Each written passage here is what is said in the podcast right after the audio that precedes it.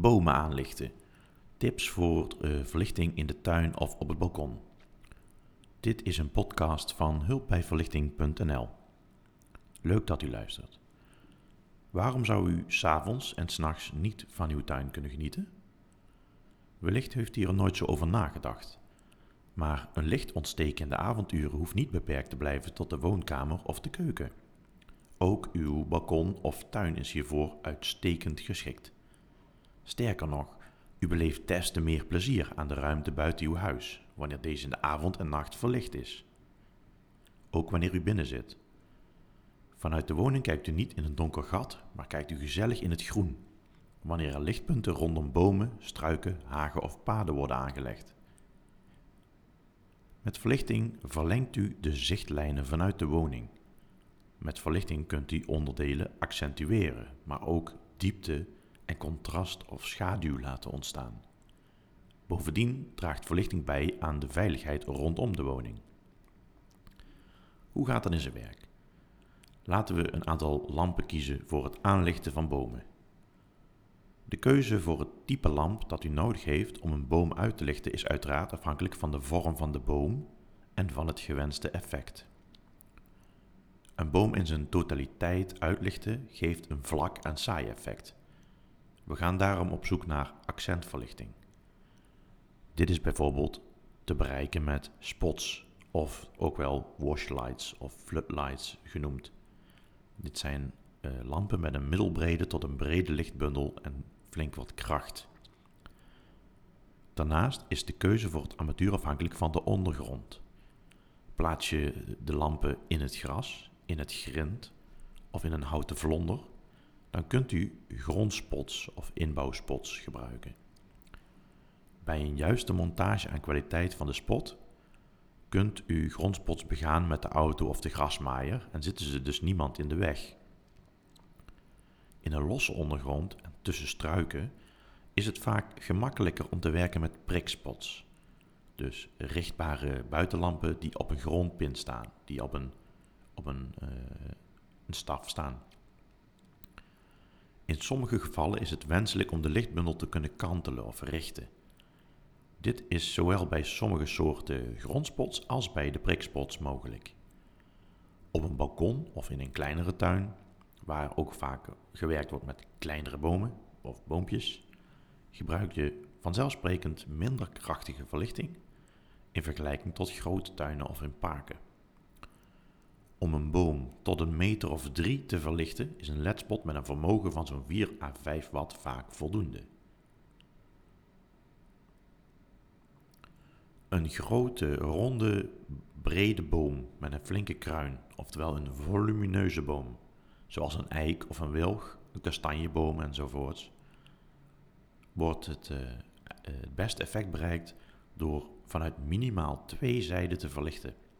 Op die manier ontstaat een extra ruimtelijk effect.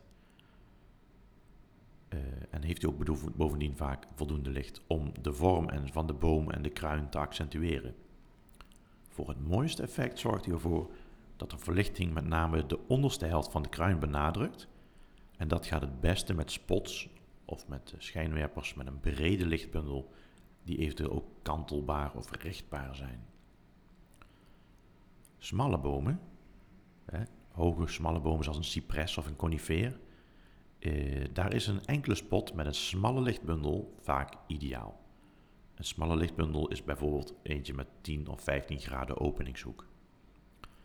Zorg voor voldoende lichtsterkte, dus voldoende lumen, om bij hogere bomen tot in de top te kunnen verlichten. Kleinere bomen, en dan rekenen we daaronder alles uh, tot een meter of drie hoogte, kunt u prima verlichten met kleinere spots en een bredere lichtbundel van bijvoorbeeld 40 graden of meer. Die op enige afstand van de stam uh, omhoog richting de kruin van de boom schijnen. Dus je zet de spotjes een uh, 50 tot 100 centimeter van de stam vandaan en richt die richting de kruin van de boom. Leibomen zijn, uh, ja, worden vaak plat in een plat vlak gesnoeid zoals een haagbeuk of een lint of een plataan. Uh, men noemt dat ook wel een schermvorm. Maar die kunt u in de avonduren ook prima verlichten door een spot met een brede lichtbundel schuin omhoog richting het blad te kantelen. Het strijklicht wat dan ontstaat benadrukt de structuur van het bladerendek. Een, een variant op de leiboom is de dakboom. En uh, van bomen zoals bijvoorbeeld de plataan wordt wel eens een, een natuurlijk dak gesnoeid. De bomen worden dan zo geleid dat er een, letterlijk een dak boven je hoofd ontstaat. En dat kun je heel mooi aanlichten van onderuit. Het gaat het best met grondspots met een brede lichtbundel die recht omhoog onder de bomen schijnen. Heeft u een, een terras of een zitje onder de dakboom, let er dan op dat de grondspots uit de directe zichtlijn van de mensen worden geplaatst. Dus van, van, van, van je terras zitje, van je, van je tafeltje en stoeltjes. Zodat je niet in de bundel van de grondspots kijkt. Uh, want dat is gewoon vervelend, daar word je door verblind. Dat is soms ook op te lossen door het plaatsen van een raster of een honeycomb in of op de grondspot die de verblinding voorkomt.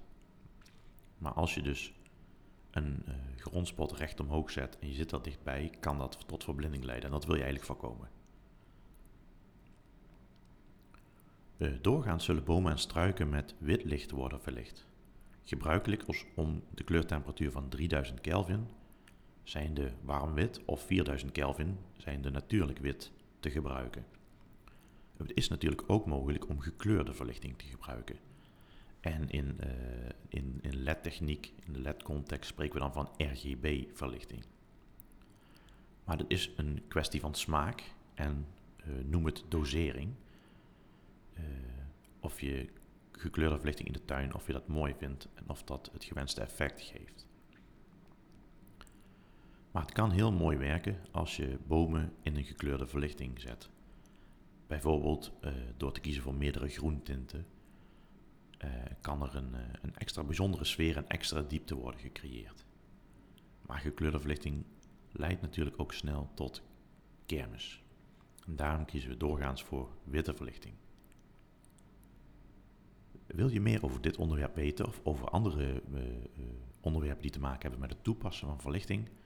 Kijk dan op de website hulpbijverlichting.nl, luister naar de andere podcasts of kijk op ons YouTube kanaal. Bedankt voor het luisteren.